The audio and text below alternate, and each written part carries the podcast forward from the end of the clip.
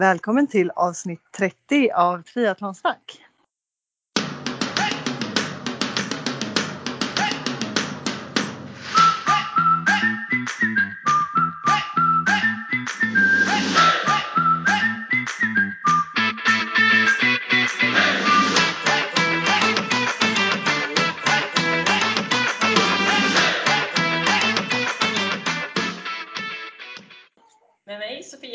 Och Therese Granelli på andra sidan. Ja, tjena! Hur är läget? Jo, men det är bra. Sitter här i påsk, påskhelgen, långhelg. Alltid skönt. Ja, alltid Eh, gött. Dock lite annorlunda vad tanken var för vår del. Vi hade ju tänkt åka på påskträningsläger i Skövde med min eh, coach och hans klubb 30K.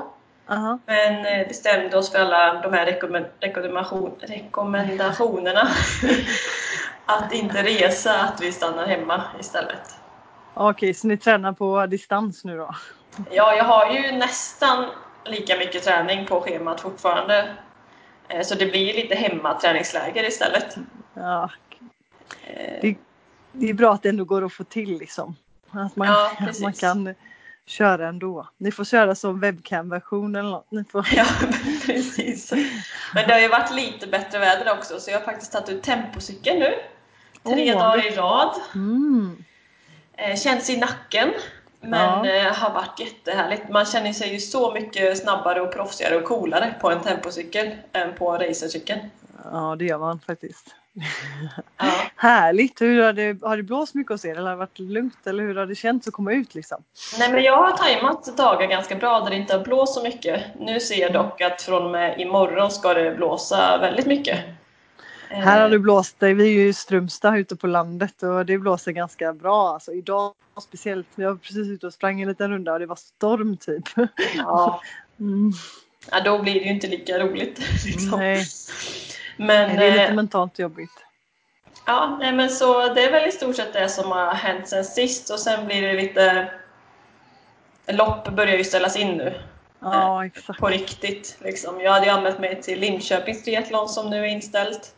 Eh, Så nu mer går jag ju och väntar på att Jönköping ska bli inställt. Det är lite så. Hur, men, hur, eh, hur mentalt går det bra för dig? Känns det okej att träna och så ändå? Eller blir det så här, eh, känns det som att fan, jag som är i form och tränar för det här och så blir det ingenting av? Ja, hur, det känns hur är ju- motivationen? Det känns lite så, för jag är ändå hyfsat hel nu och kommit liksom tillbaka till löpningen i ganska bra dos Mm. eh, och känner mig stark. Men eh, alltså det är lite från dag till dag. Ena dagen bara fan, eh, det var ju segt Mm. typ. Men andra dagen så bara, men jag, loppen kommer ju senare. Ja, men precis. Eh, och jag har ju Polen fortfarande då i augusti.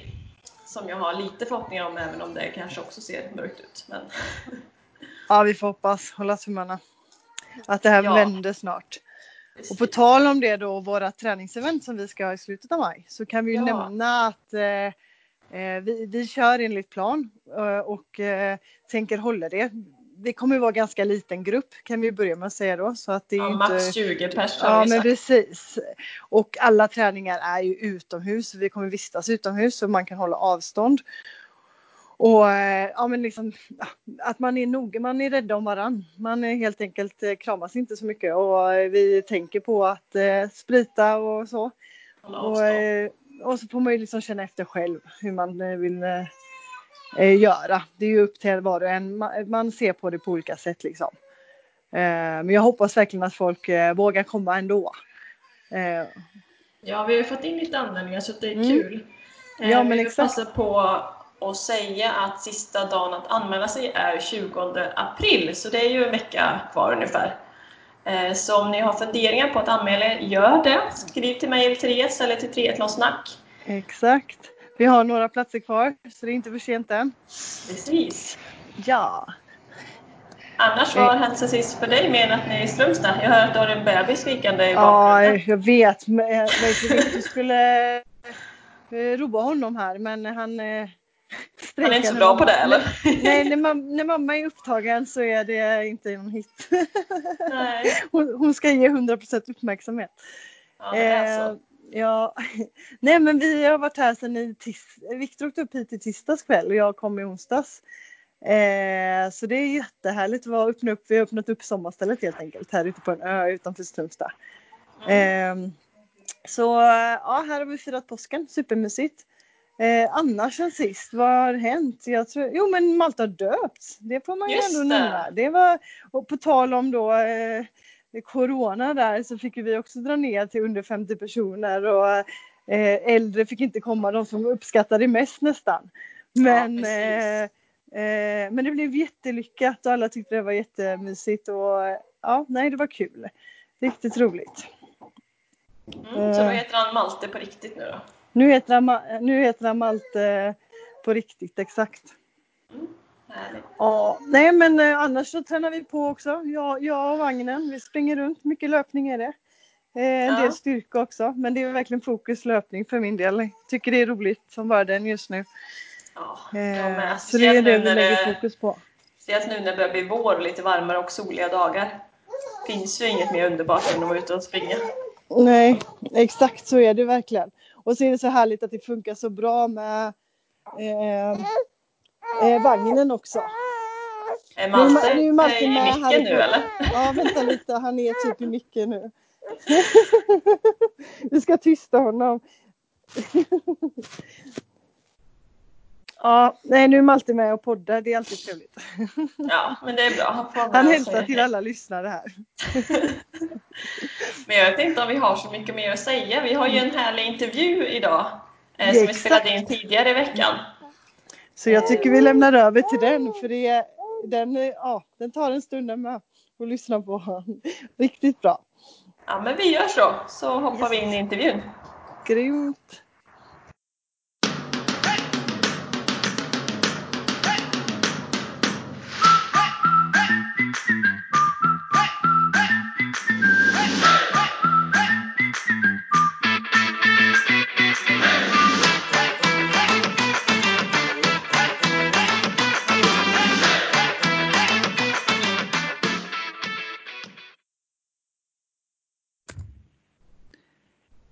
I, I detta avsnittet ska vi få träffa Susanne Dahlseth som kallar sig Ironman-mamman på Instagram.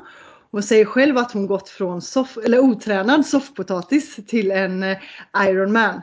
Eh, idag har hon gjort sex stycken Ironman. Eh, hon föreläser inom kost, hälsa och träning. Hon driver även en müslifabrik på, eh, på Västingsö med sin man och har två tvillingdöttrar. Eh, välkommen Susanne! Det ska bli spännande att höra mer från dig. Tack så mycket. Berätta lite själv om, själv om dig själv här nu. Vem är du? Vem är Susanne? Ja, men precis som du sa, jag heter Susanne, jag är 45 år och bor tillsammans med min man och våra två 13-åriga döttrar på Visingsö. Och eh, här på Visingsö så har vi vår egen ekologiska müslifabrik och det är då det ena benet i det jag sysslar med. Så müsliproduktion är en av mina arbetsuppgifter och när jag inte blandar müsli så har jag valt att viga mitt liv åt att inspirera andra i kost, hälsa och träning. Och det gör jag mestadels genom att föreläsa. Men jag jobbar också jättemycket med företagsfriskvård, arrangerar event och träningsresor. Kul. Men jag måste fråga, hur är det att bo på Visingsö? Jag måste bara inlägga in det. Det är ändå en ganska liten ö och ganska lite folk som bor där ute tror jag va? Ja, det är cirka 850 personer som bor här på Visingsö. Ja. Och eh, jag tycker ju såklart att det är en helt fantastisk plats att bo på. Och är man en person så som jag är som gillar utomhusidrott, jag gillar ju att simma och jag gillar att cykla och jag gillar att springa och då har man ju de bästa förutsättningarna här ute på Öa. Ö, Har ni eh, simhall ute på ö eller åker du in till fastlandet? Nej, det är, har vi ju då inte. Så Nej. simning är ju alltid det som släpar efter mitt triathlon för att eh, jag åker in till stan och simmar en dag i veckan. Men mer än så blir det inte. Nej, och när du säger stan då, vart är det man åker då? Då åker man till Jönköping. Till Jönköping, okej. Eh, Men när du blandar müsli säger du, hur, hur, alltså hur många procent av din arbetstid gör du det? När man är egen blir det, ja, Jobbar du mycket med den delen eller hur är det uppdelat om man med, med eh, träningen och hälsoinspiratören som det nu är en viss del av tiden? Müsli-blandningen är det jag gör minst av. Den som är huvudansvarig för hela proceduren här ute på, i müslifabriken, det är min man. Ja. Så han är chef över müslin. Så det jag gör överlägset mest, det är friskvårdsbitarna. Att föreläsa och att coacha andra individer i kanske framförallt kost men även då hälsa och träning. Mm. Och du, du, när du presenterar dig för oss så presenterar du dig som en för detta soffpotatis. Mm. Eh, vad fick dig att liksom resa på rumpan och jag antar att det är det som du fått inspiration om till din, dina föreläsningar och eh, så också? Ja precis eh, så är det. Jag hade väl egentligen aldrig trott att jag skulle viga hela mitt liv åt att inspirera andra i kost, hälsa och träning för min bakgrund är raka motsatsen mot så som jag lever idag. Jag var väl runt 25 när jag för första gången höjde min puls mer än att gå i en uppförsbacke. Och eh, vid den tiden i mitt liv så var jag också väldigt överviktig och mer eller mindre levde på sötsaker. Så det är helt riktigt. Jag har gått ifrån att vara en eh, sockerberoende, stillasittande soffpotatis till att faktiskt då bli en person som älskar att träna och jag har ju i dagsläget då gjort sex stycken Ironman. Eh, hur och varför blev det just triathlon? Hur kom du in på det? Det blev triathlon efter en lång period av löpning.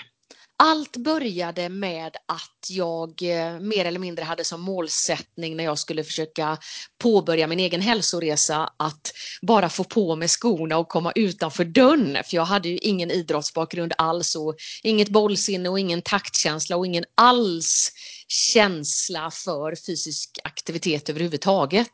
Så för, för mig började det så att jag bara fick bestämma mig för att sätta på mig skorna och gå utanför dörren. Och från allra första början så handlade det ju då egentligen bara om att promenera.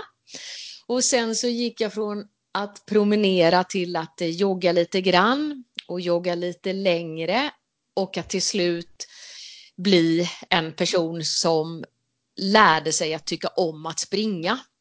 Och det gjorde jag egentligen genom att jag, jag kunde inte springa längre än kanske 400-500 meter i sträck och så kände jag att jag behövde en målsättning för att motivera mig själv till att börja springa. Och då anmälde jag mig till eh, Stockholm Marathon. Och det var då jag anmälde mig år 2000 och så sprang jag min första mara 2001. Och eh, det var ju en slitsam resa men som jag är väldigt glad för att jag gjorde för att den här regelbundenheten, det här tydliga målet, den här planen jag följde och den här kontinuiteten gjorde ju att det till slut blev lätt att springa och jag lärde mig verkligen att älska att springa och ägnade mig åt löpning och att springa lopp i, i många år på ren och skär träningsglädje. Men sen fick jag barn jag blev gravid och eh, födde våra tvillingtjejer då. De är födda 2007.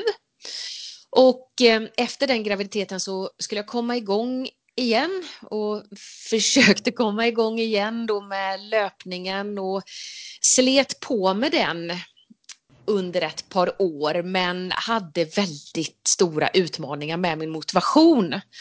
Och eh, det vet jag ju vid det här laget att motivation är ju inte någonting som bara kommer till en utan det får man ju skaffa sig själv genom, genom att inspireras på olika sätt. Så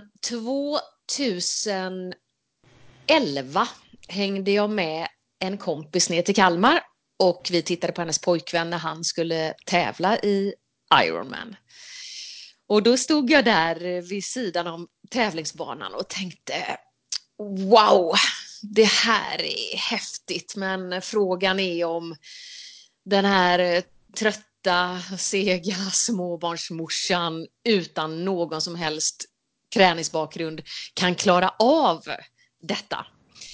Men ehm, då blev det samma sak igen. Jag började tänka på en Ironman som ett mål och eh, fick extremt hög motivation och gav mig själv då ett år. Så från egentligen hösten 2011 till augusti 2012 så tränade jag målinriktat och sen gjorde jag då min första Ironman den 5 augusti 2012.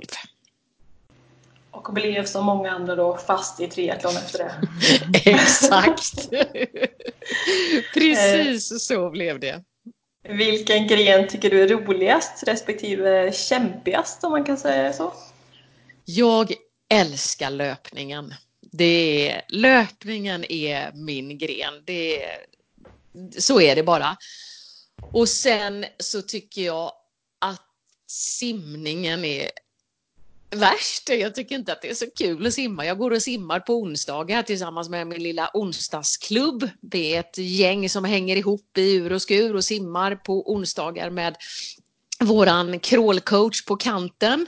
Och hade jag inte haft henne och det gänget så vet jag 17 om jag ens hade gått till simhallen. Men nu går jag dit i alla fall en gång i veckan när allting stämmer och håller simningen vid liv. Så löpningen älskar jag, simningen, ja sådär. Och cyklingen har jag haft faktiskt som en ganska utmanande gren. Och eh, haft svårt att utvecklas i cyklingen. Men eh, nu gör jag en liten satsning på cyklingen det här året. Och nu börjar jag tycka att den är riktigt rolig den också. Ofta blir det så, ju mer man gör av någonting desto roligare blir det. För ju bättre blir man. Exakt så är det. Och jag har ju i många tider då när jag har tränat utan coach känt att nej men cykling är ju inte min grej och jag utvecklas ju aldrig på cykel. Men eh, nu när jag har Linda Linhart som coach som verkligen skräddarsyr eh, min träning utifrån mina testvärden så blir det ju cykling på ett helt annat sätt. Och Linda som vi även har haft som eh, gäst i podden. Jag vet, jag lyssnade på det avsnittet såklart. Hur länge har du kört triathlon? Det är sedan 2011 då? Nej, jag körde första Ironman 2012. Och, sen och hur många också... har du hunnit med? Jag har hunnit med sex. Mm. Har du mål att göra det i år också? Har du tänkt att köra Kalmar? Ja, i år hade jag... Ja, det, årets Ironman hade jag tänkt att jag skulle satsa ganska ordentligt på och därav också anledningen till att jag anlitade Linda Linhart genom Activitus. Så det fanns ju höga mål inför årets Ironman men nu får vi se om den blir av. Men eh, det jag har eh, tänkt på nu under tiden nu när det är ovisst om Ironman Kalmar kommer bli av eller inte så kan jag säga att jag har inte tappat motivationen i min träning alls ändå för att jag tycker fortfarande att det är roligt att träna under ledning av någon annan och fortfarande väldigt inspirerande att se att man kan utvecklas. Ja men det är skönt att höra att du inte har tappat mm. motivationen för man ser ju det överallt nu folk som ser lite låga ut och är väldigt ovetande om tävlingar och ja, eh, tappar ah. motivation helt enkelt. Men då gäller det väl att hitta lite inre motivation kanske? Ja, eller i alla fall att man hittar delmål i sin vardag. Som det har blivit för mig nu då så vet jag ju att den 11 juni så ska jag göra om alla mina tester på Activitus igen. Och eh, det räcker för mig att tänka på det. Då blir jag peppad i min vardag av att tänka på att jag ska försöka göra mitt bästa för att kunna leverera när det är dags för test igen.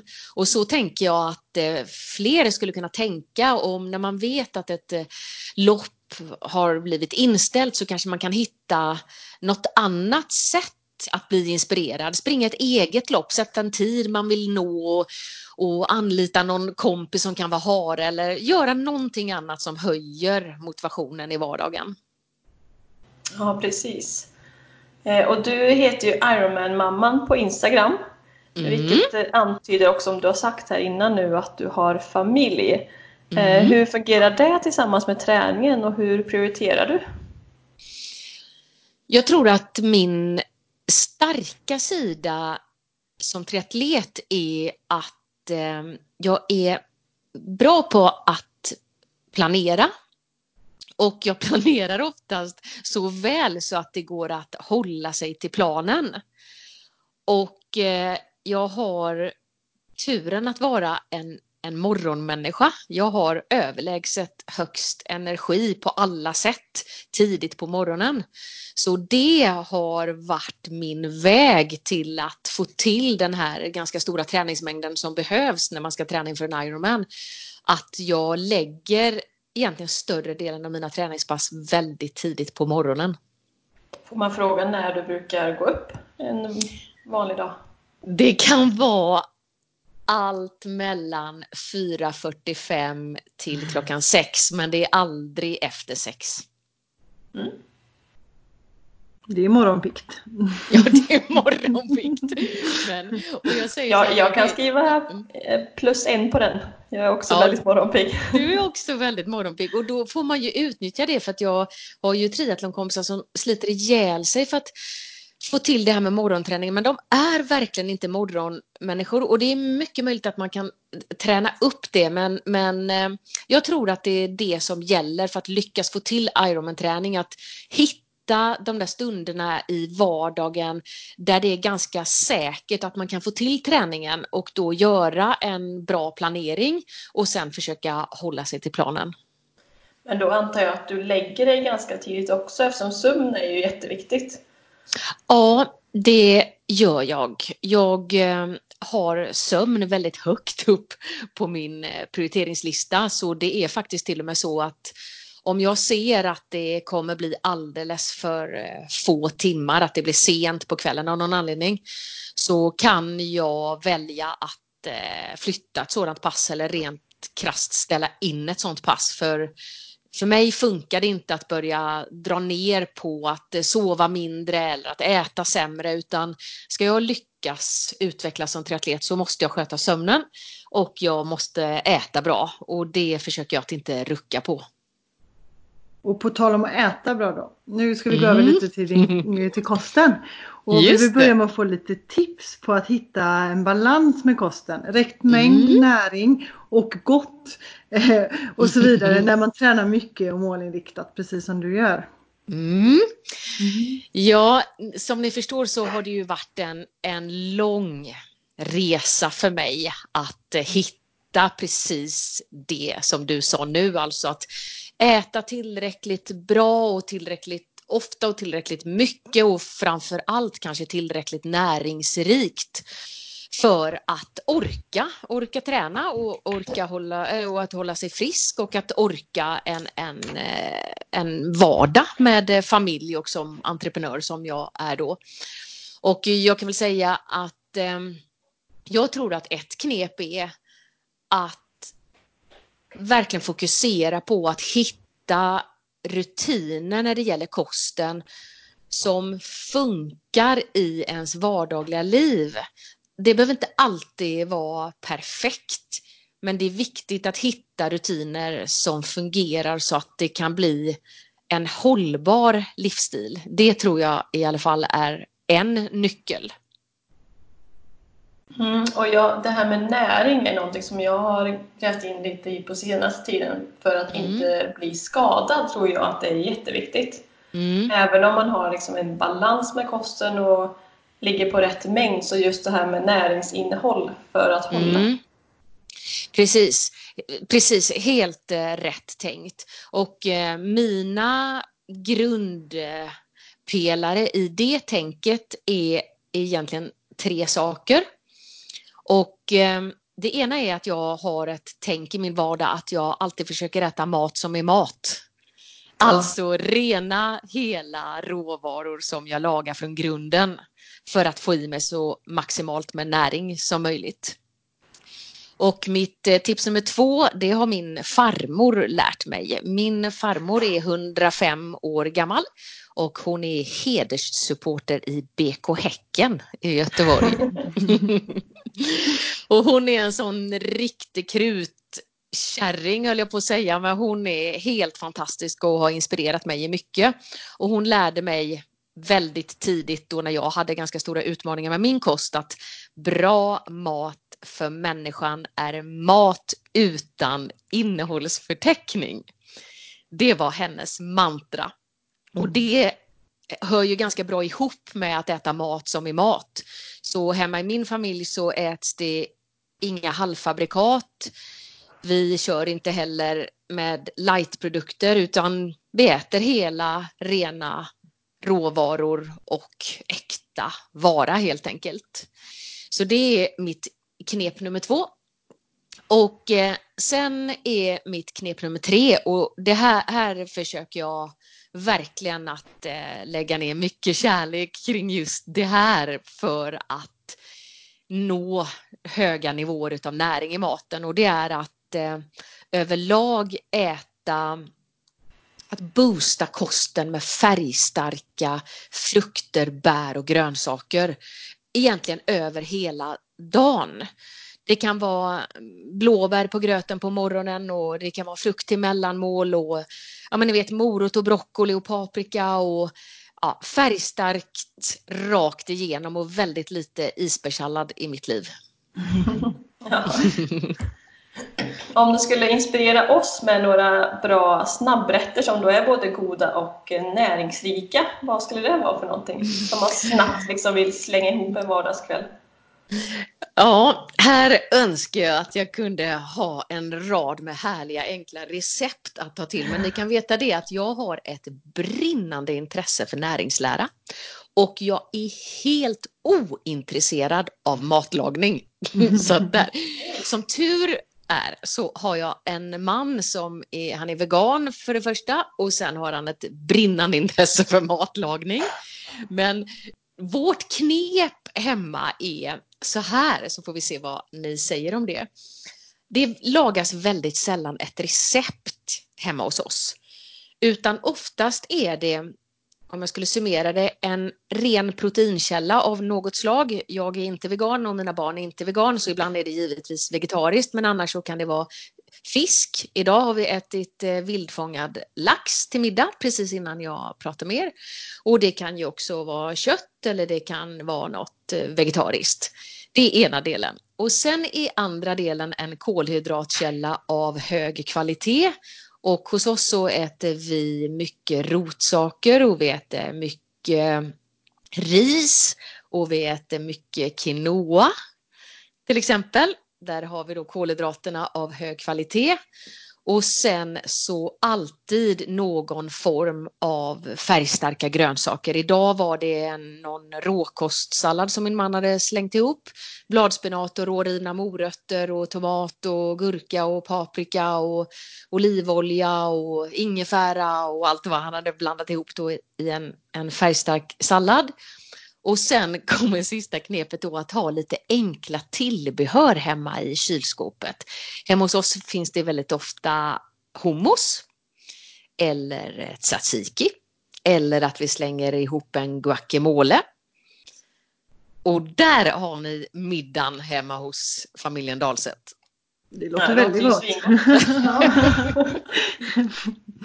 ja men verkligen.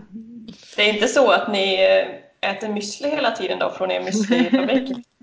jo, men det kan faktiskt också hända för att eh, i en värld där man har mycket att göra hela tiden så kan jag tycka att, att man måste komma ihåg att en, en riktigt schysst måltid behöver ju inte alltid vara lagad mat.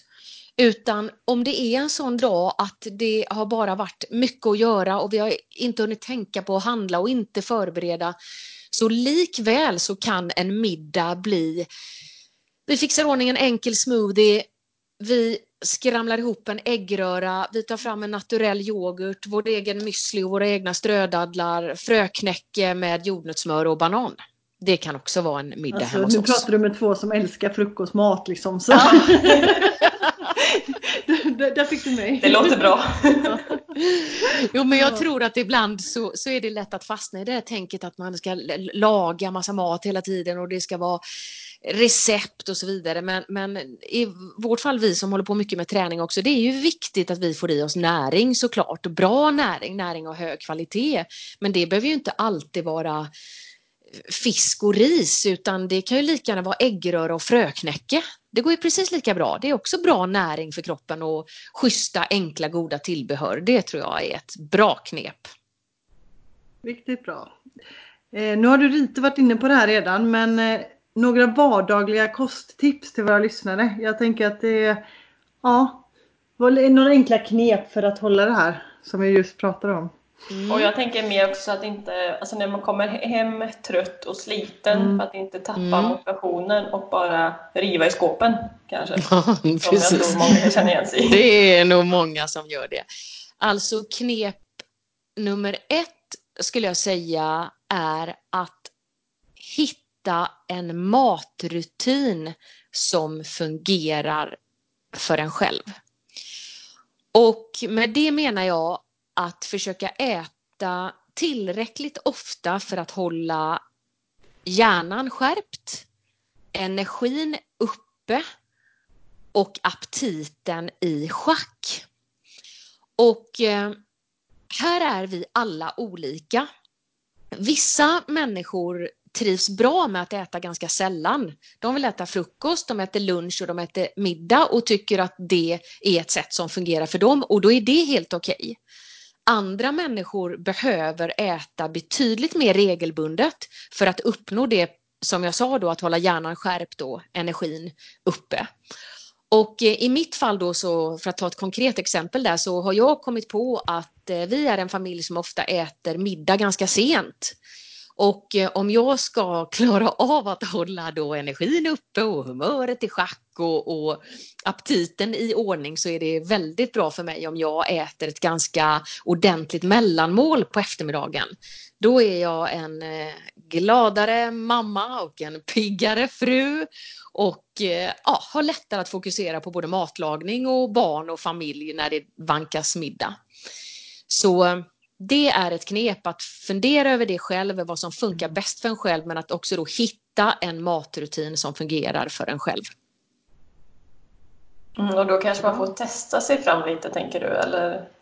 Ja, men jag, egentligen så tror jag att man vet. Jag kan ju fråga er, hur, hur, är det för er? Är ni två personer som mår bäst av att äta ganska få måltider per dag? Eller är ni två personer som mår bäst av att äta ganska ofta? Vad skulle ni säga? jag är ju definitivt äta få större ja. måltider. Precis. Jag har nog varierat mig ganska mycket i det. Mm. jag säga. Just nu äter jag jättemycket. Men det är en anledning också, håller på att säga. Eh, och jag som Sofia innan kan tycka att jag faktiskt inte heller ja, åt lite mer sällan.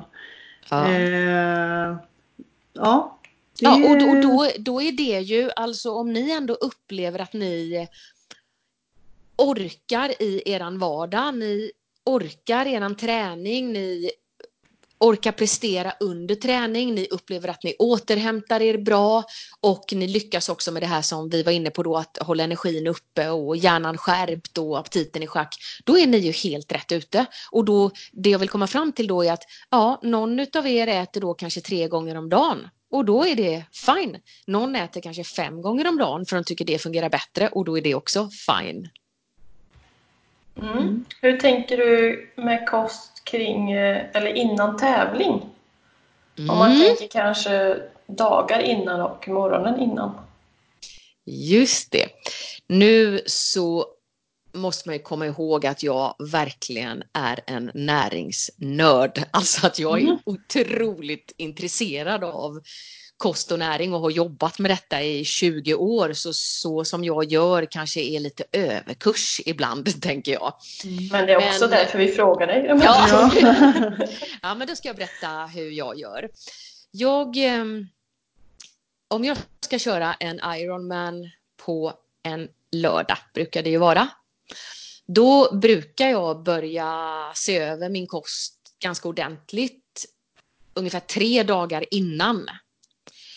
Och eh, min målsättning då är ju att jag ska stå på startlinjen och vara så välfylld i mina glykogendepåer som möjligt. Men ha en så lugn mage som möjligt. Så det som händer då de här tre dagarna innan det är dags för race är att jag börjar att försöka ladda på lite extra med kolhydrater. Jag äter mina vanliga måltider ungefär precis så som jag brukar, men jag adderar kolhydrater som kroppen lätt kan ta upp men som inte är för rikt på fibrer skulle jag vilja säga. Och eh, då kan det betyda att jag äter eh, ris till eh, middag med något tillbehör och sen kanske jag adderar sorbetglass till efterrätt. och till frukosten så äter jag kanske min vanliga gröt men jag dricker också kanske två stora glas juice.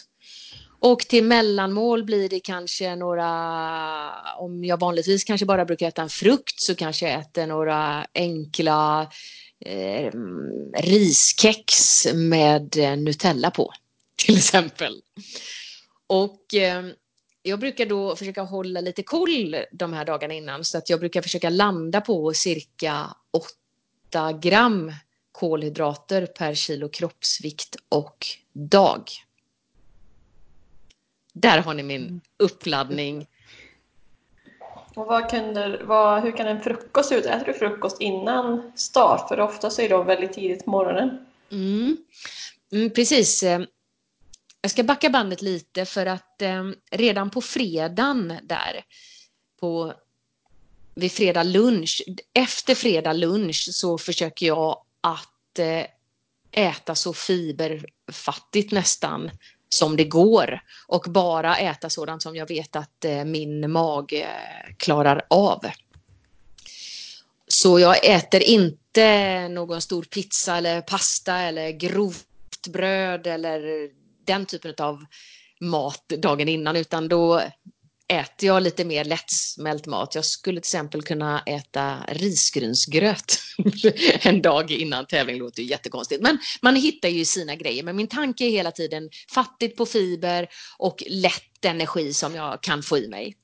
Men ris men, är väldigt vanligt ska jag säga. Så ja. att äta risgrynsgröt var en roligare variant på det kanske.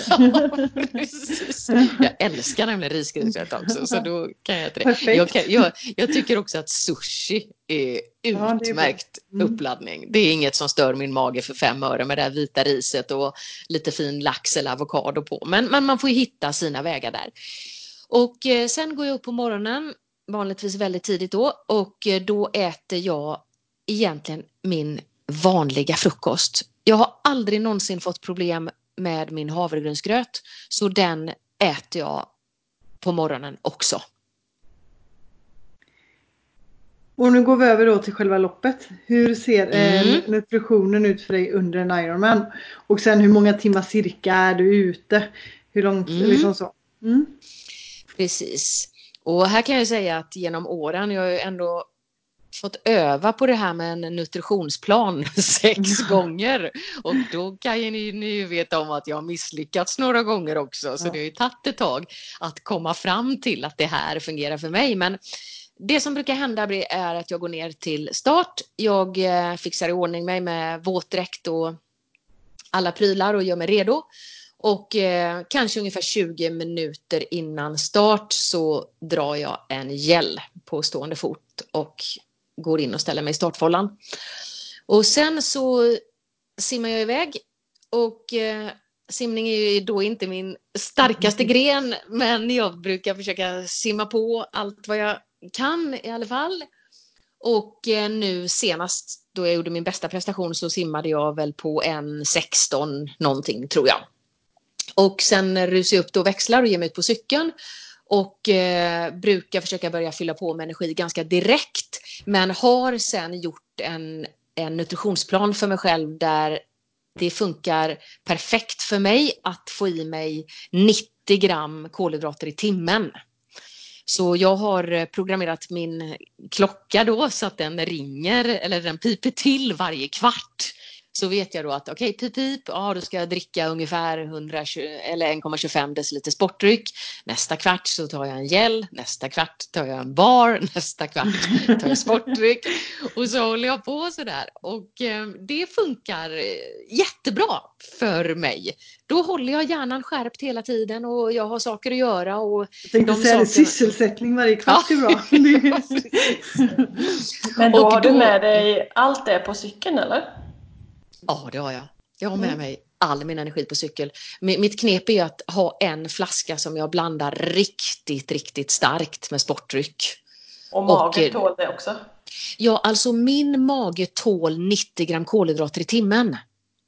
Det är ju mm. det som är grejen, så att om jag har en väldigt stark blandad sportdryck så kanske det blir att jag kanske tar två klunkar och så sen så har jag ju vatten på, i resterande flaskor.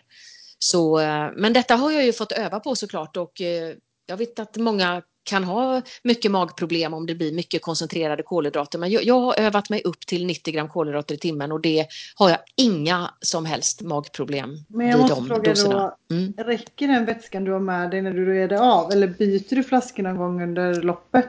Jag byter vatten, eller ja, rättare sagt jag tar, tar nya vattenflaskor. Mm. tar jag. Så att mm. eh, jag har oftast den här, jag har tre flaskor på cykeln.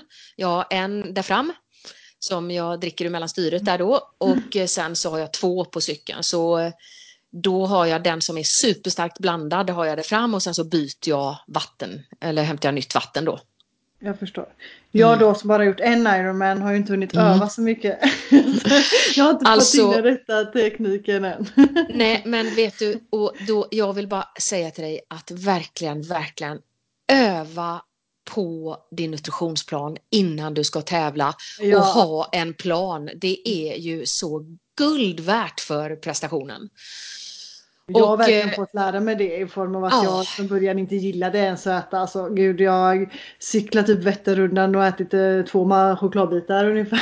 Oh, och sen nej. när jag verkligen har som du säger då lärt mig att äta övat på det hur jag utan egentligen tränat jättemycket mer förbättrar min tid med timmar liksom.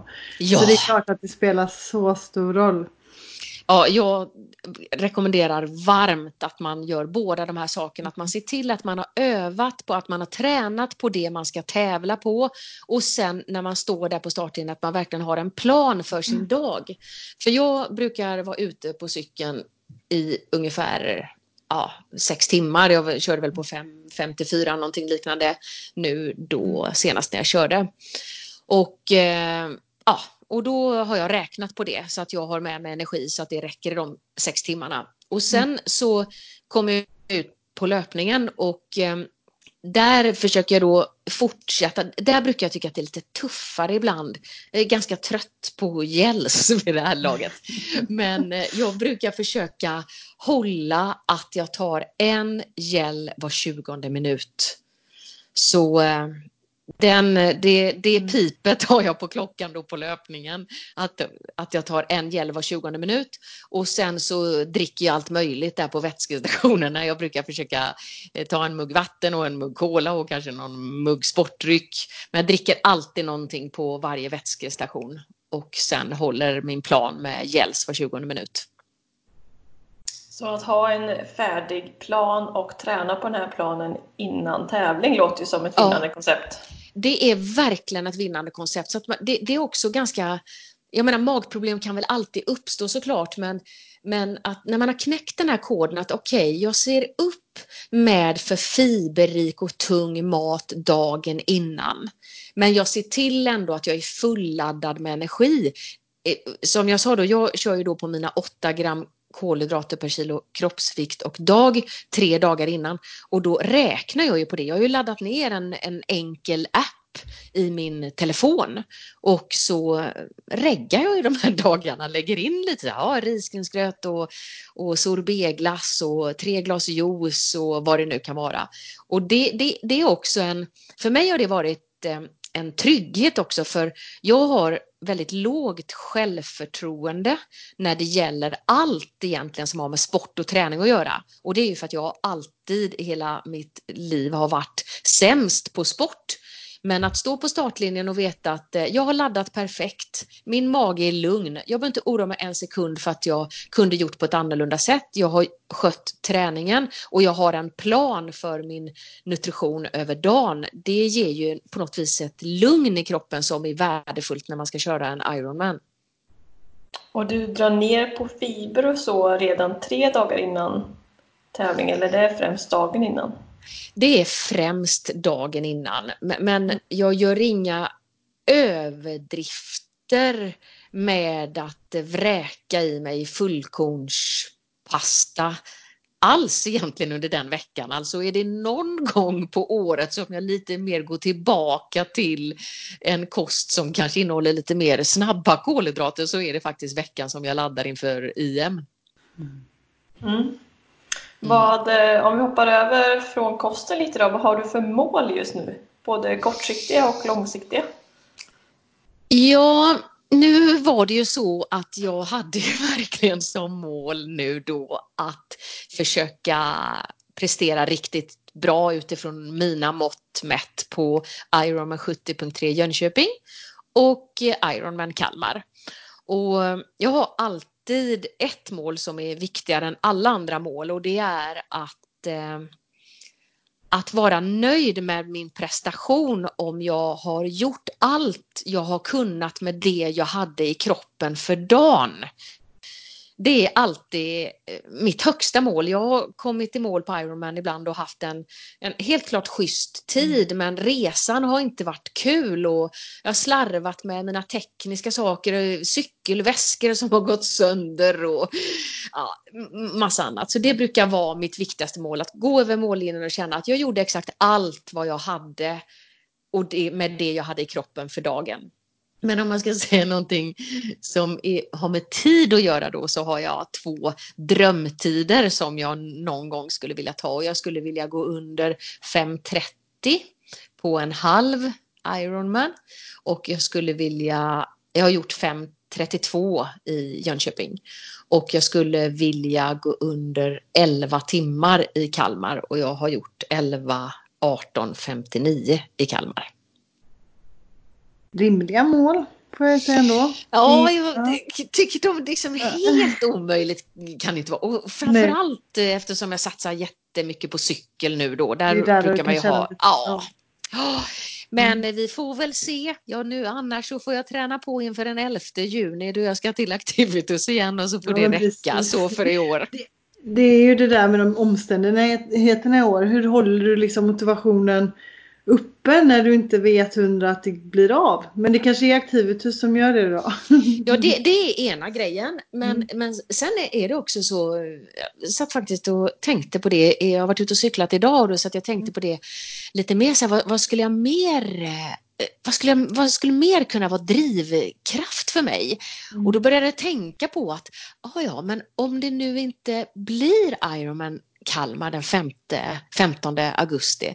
Vad skulle jag kunna göra istället då? Och då märkte jag att hela min hjärna gick igång på alla möjliga tankar. Jag skulle kunna faktiskt styra upp en, en egen Ironman-distans här hemma mm. och eh, försöka nå de här tiderna då som jag eh, har tänkt mig att försöka simma här i Vättern på en bra tid och cykla på en bra tid ändå. Och det, jag tror att det, det, är jag ganska bra på att eh, hitta alternativa drivkrafter i vardagen även om det bara är enkla lopp som jag styr upp själv.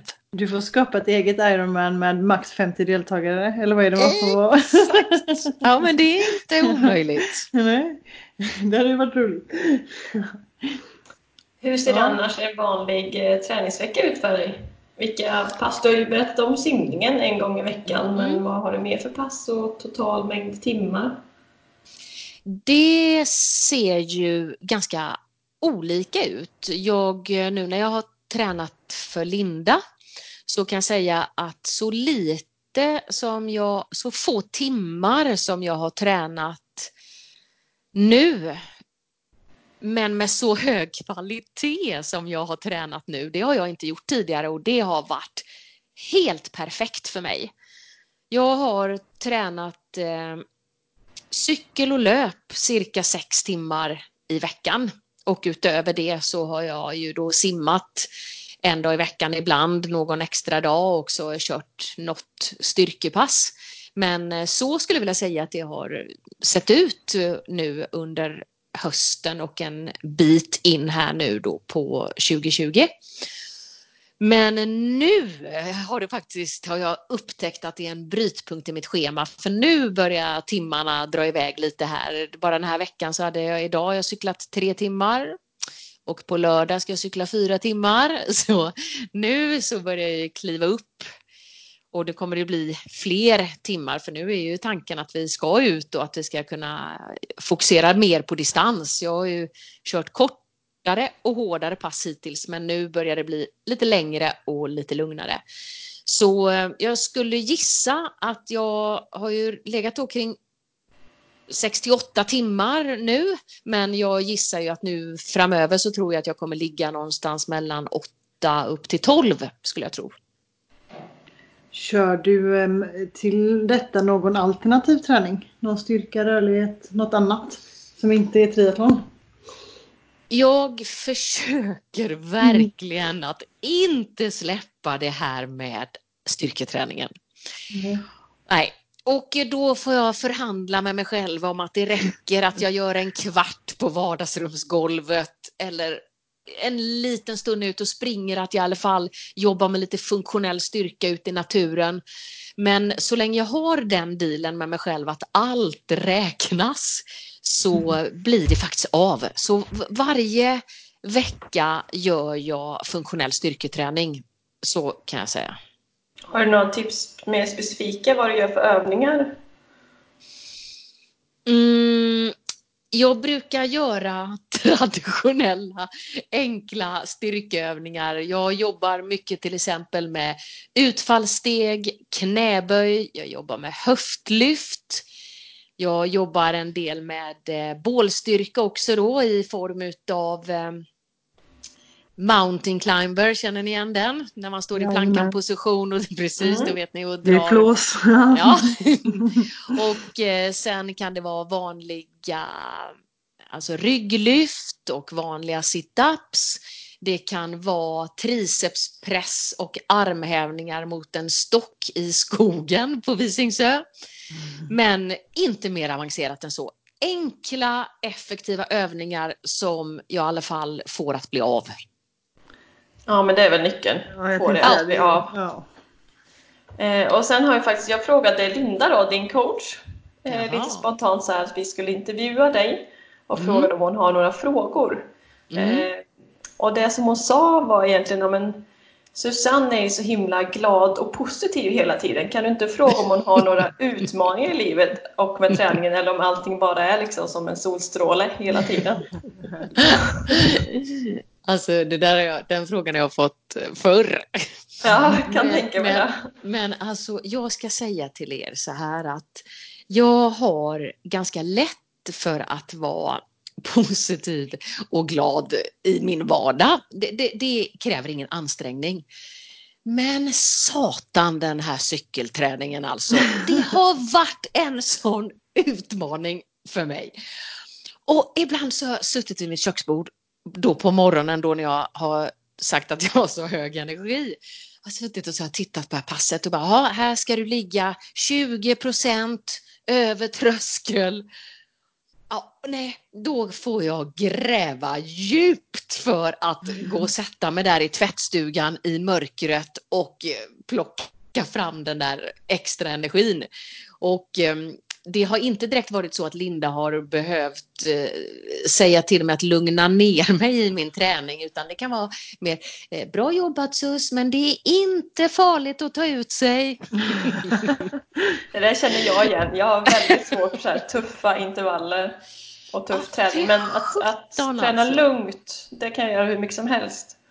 Det är bara härligt men just det här att ta sig över flåströskeln Ja, då har vi sannoliken något gemensamt. För att ja, det tänkte jag på idag när jag fick cykla i en låg zon i tre timmar och bara hade det skönt.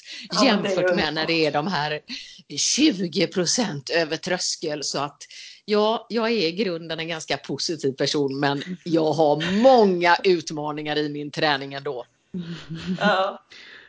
Ja, man är det... olika. Jag älskar ju när man får plåga sig själv. Jag är någon slags självplågare av något slag.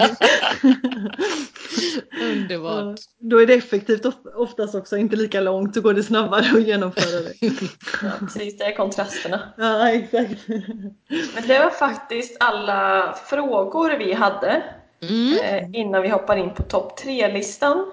Men mm. har du någon mer du vill eh, nämna innan vi hoppar vidare?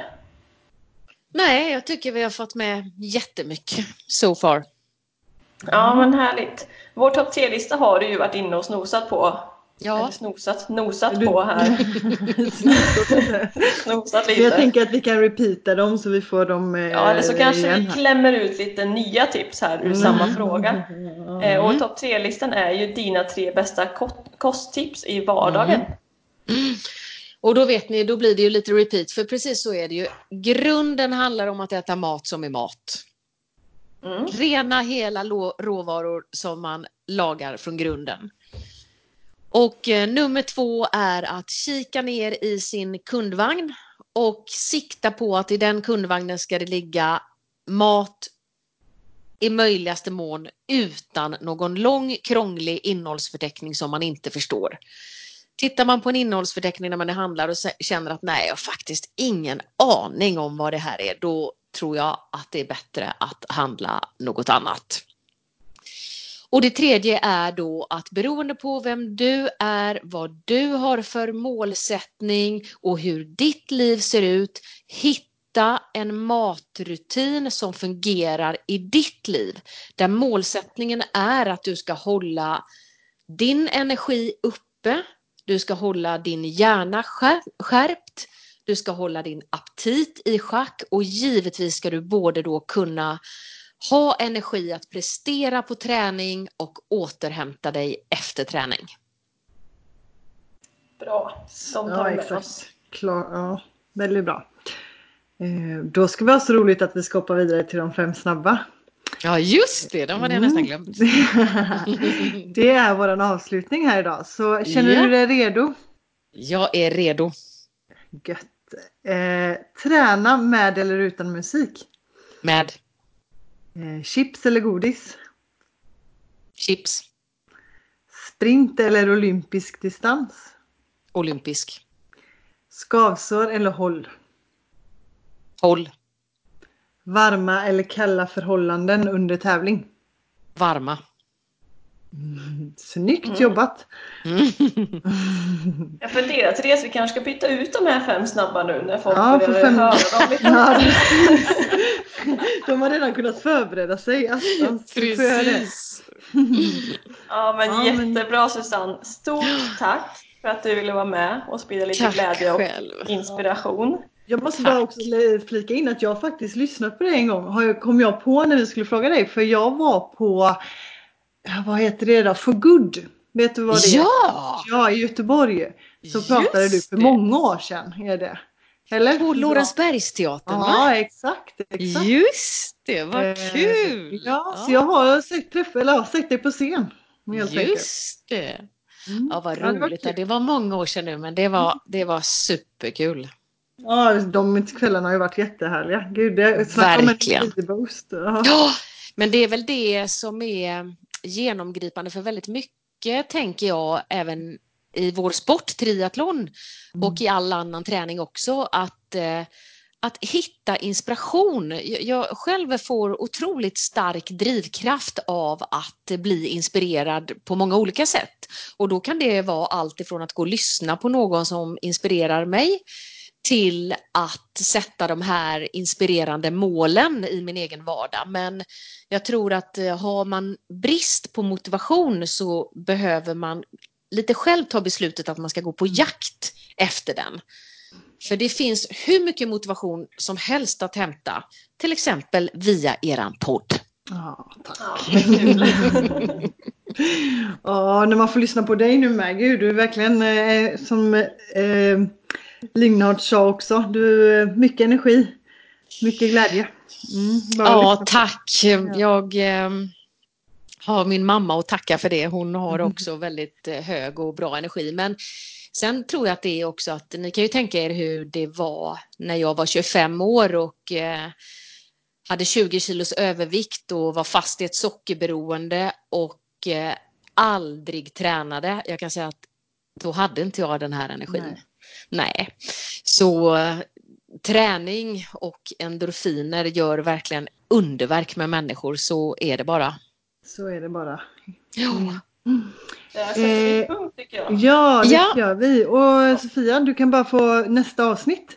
Vem kommer ja, då? Ja, precis. Nästa avsnitt så har vi äran att få lyssna in Helena Bjälkemo som jag skulle säga klassas som en elitlöpare och även swimrunner som inspirerar väldigt många, speciellt för att få ihop sin satsning med familjelivet och hon har två barn och man.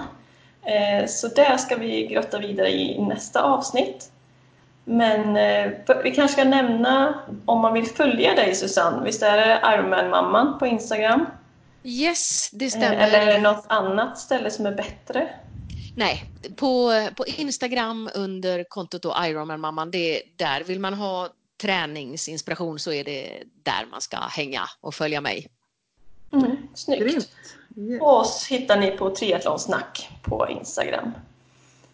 Så säger vi så för idag. Ja. Det gör vi. Tack så jättemycket och tjejer. glad påsk till alla lyssnare och till er. Just det. Ja. Glad påsk. Glad påsk. Hej då.